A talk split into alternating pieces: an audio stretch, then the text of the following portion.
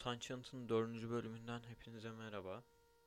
Ee, podcast'i yapmaya başladığımdan beri bana podcast hakkında en çok gelen yorum girişte ve bitişte rahatsız edici bir sesin duyulması ile ilgiliydi. Ee, aslında bu ses sorunu halledebilirdim. Ne bileyim farklı bir program deneyebilirdim ya da montaj kurgu programları deneyerek atabilirdim, temizleyebilirdim. Ama yapmadım hiçbirini. Ben de bu yüzden bu sesi artık e, bir çeşit intro ya da podcast'imin imzası olarak kullanmaya karar verdim. Ha bunu yapma sebebim şey değil yanlış anlamayın ne bileyim kötü şeylerden olumlu sonuç çıkarma güdüsü ya da aslında şeyler o kadar da kötü değil bir yaklaşım değil.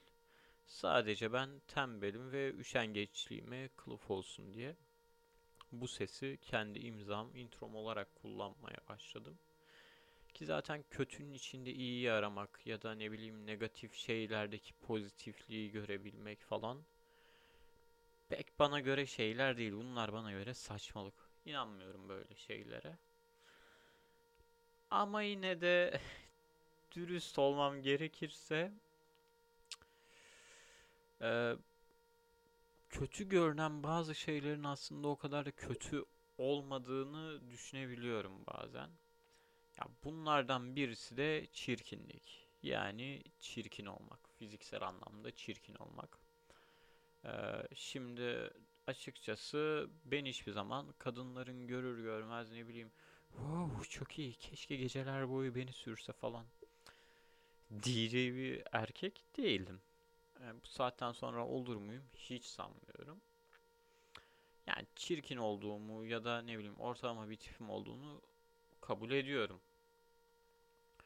Ee, aynı zamanda ben zengin de değilim ki bunu önceki podcastlerimden anlamışsınızdır. Bayağı haset dolu içerikler var zenginlerle ilgili. Ee, yani düpedüz fakir bir insanım hatta zenginliği geç yani düpedüz fakir bir insanım. Büyük bir vasfım, etkileyici bir vasfım ya da güzel bir hier hiyerarşik konumum da yok. Ya neyse ya ben bu kısmı kısa tutayım yoksa depresyonum geri gelecek gibi hissediyorum. Neyse bütün bu negatif özelliklerimi birleştirdim ve bunlardan olumlu bir şey çıkardım. Bu da şu. Kimse beni az önce bahsettiğim şeyler yüzünden sevmez. Daha doğrusu sevemez. Bu yüzden birisi beni sevdiği zaman bunun gerçekten sevdiğinden olduğunu anlayabiliyorum. Hani bu yüzden bütün ilişkilerimde sevdiğimi, e, sevildiğimi hissedebildim. E, ilişkilerim daha uzun soluklu, daha tutkulu ve daha derin oldu. Ee, hani yakışıklı güzel insanların belki de ömür boyu tadamayacağı bir duygudur bu. Sonuçta herkes onlara e, bu sahip olduğu vasıfları yüzünden gider. Herkes demeyeyim de çoğunluk ve emin olamaz. Ha ama bana soracak olursanız şey mi diye e, az sayıda ve daha güzel insanla kısa soluklu ve yüzeysel ilişkiler mi?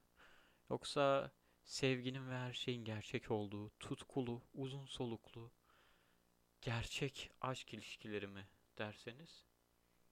Ya, tabii ki ilkini seçerim. Orası ayrı.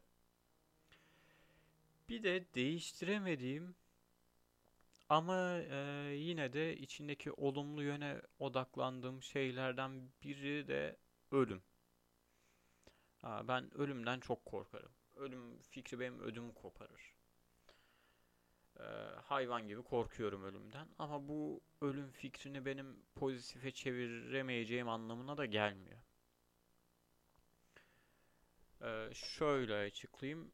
Ölüm fikri benim her zaman kafamın içinde bir yerlerde var. Hani e, tabii ki intihara meyilli ya da daha önce intihar eşiğinden dönmüş birisi değilim. Ama bu ölüm fikri her zaman bir alternatif olarak kafamın içinde dolanıyor. Hani her şey çok mu kötü gitti, içinden çıkılmaz bir hal mi aldı? Çok kolay, kendimi öldürebilirim. Bunun sağladığı bir rahatlık var. Bunun sağladığı bir umut var. Umursamazlık var. Hani çok çaresiz hissettirmiyor bana. Ee, böyle bir alternatifimin olması, işin içinden böyle çıkabilme seçeneğimin olması. Bu bana açıkçası iyi hissettirmeye başladı ölümü olumlu kullanmak. Ha tabii bunun bokunu çıkarmıyorum değil. Ne bileyim yaptığım en ufak hatada insanların arasında tökezleyince ya da yürüyen merdivende yanlışlıkla sağ tarafta beklediğim için uyarıldığımda direkt kendimi mi öldürsem diye düşünmeye başladığım oluyor. Ha bu da biraz ürkütücü açıkçası. Ee, ürkütücü olan şey kendimi öldürmemden ziyade kendimi saçma bir şey yüzünden öldürmek. Yani e, ne bileyim tost yapamadığım için ya da otobüsü kaçırdığım için kendimi bir gün öldürürsem çok kötü olur benim için. Tabii öldükten sonra bunun bir önemi kalmaz. Ama şeye de dönüşmek istemem. Ee, insanların dalga geçerek paylaştığı şu ölüm haberlerinden birine de dönüşmek istemem. Ne bileyim sevdiklerim beni bu kadar komik bir şeyle hatırlasın istemem ama böyle bir aşırılığa kaçıyorum. Ki zaten ayarım yok. Ayarım çoğu şeyde yok. Bunlardan birisi de internet tartışmaları. Ee, interneti bilinçli kullanan, insan ilişkilerini çok iyi analiz etmiş, sağlıklı ve birey olabilmiş birisi olarak tabii ki internet tartışmalarına çok fazla giriyorum. ee, internet tartışmasına girmediğim bir gün yoktur. Ee, elime bir telefon ve internet bağlantısı verirseniz 5-10 dakika sonra beni bir internet tartışmasında bulabilirsiniz. Ve internet tartışmalarına dair en nefret ettiğim şeylerden birisi de e, bu tartışmaları kazanmak. Yani e, çünkü internet tartışmasına girdiğim anda çok çirkinleşiyorum. Ne bileyim karşıdakine bel altından saldırıyorum. E, söylenmemesi gereken şeyleri söylüyorum. Tartışmayı kazanmak için yapılması gereken ama etik açıdan asla yapılmaması gereken her şeyi yapıyorum. Bunun karşılığında karşımdaki insan eğer benim kadar çirkinleşmiyorsa, e, benim haklı olduğumu kabul ediyorsa kötü hissediyorum.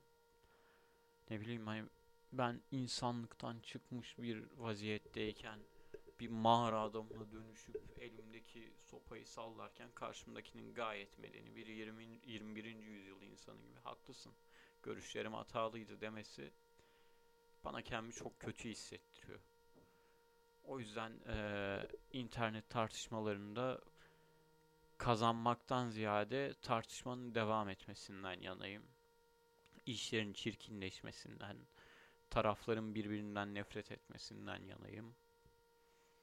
Ee, yani ne bileyim menemen soğanlı mı olur, soğansız mı olur tartışmasında bile insanlarla küfürleştiğimi hatırlıyorum. Ki bu tartışma bence gayet verimli bir tartışmaydı. Çünkü gerçek bir cevabı asla olmayacak bir tartışma.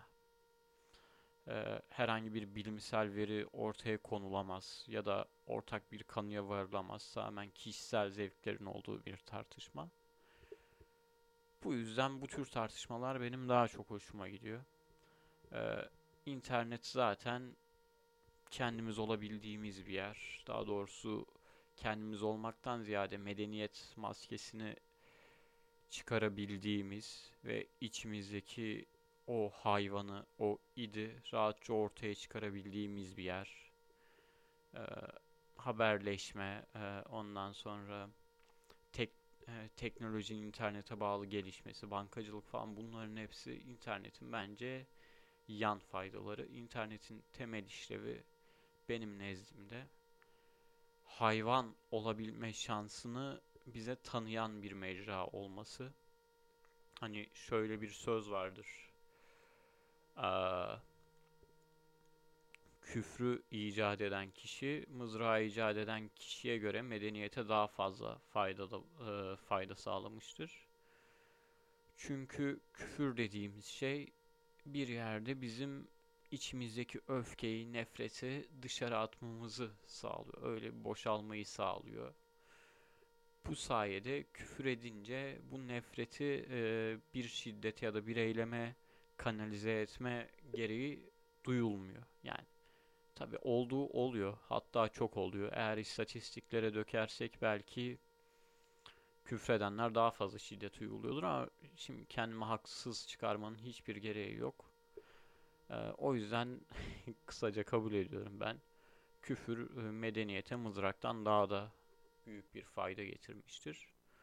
Ee, internet tartışmaları da bence bu yüzden medeniyete e, yararlıdır.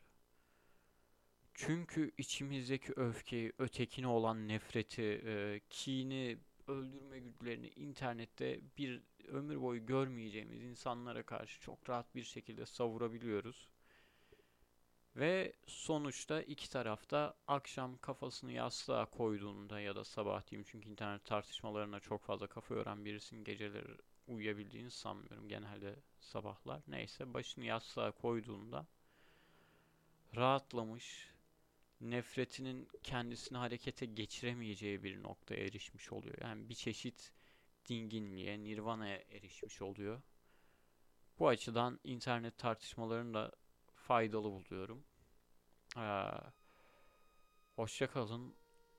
Bu bölüm biraz kısa oldu.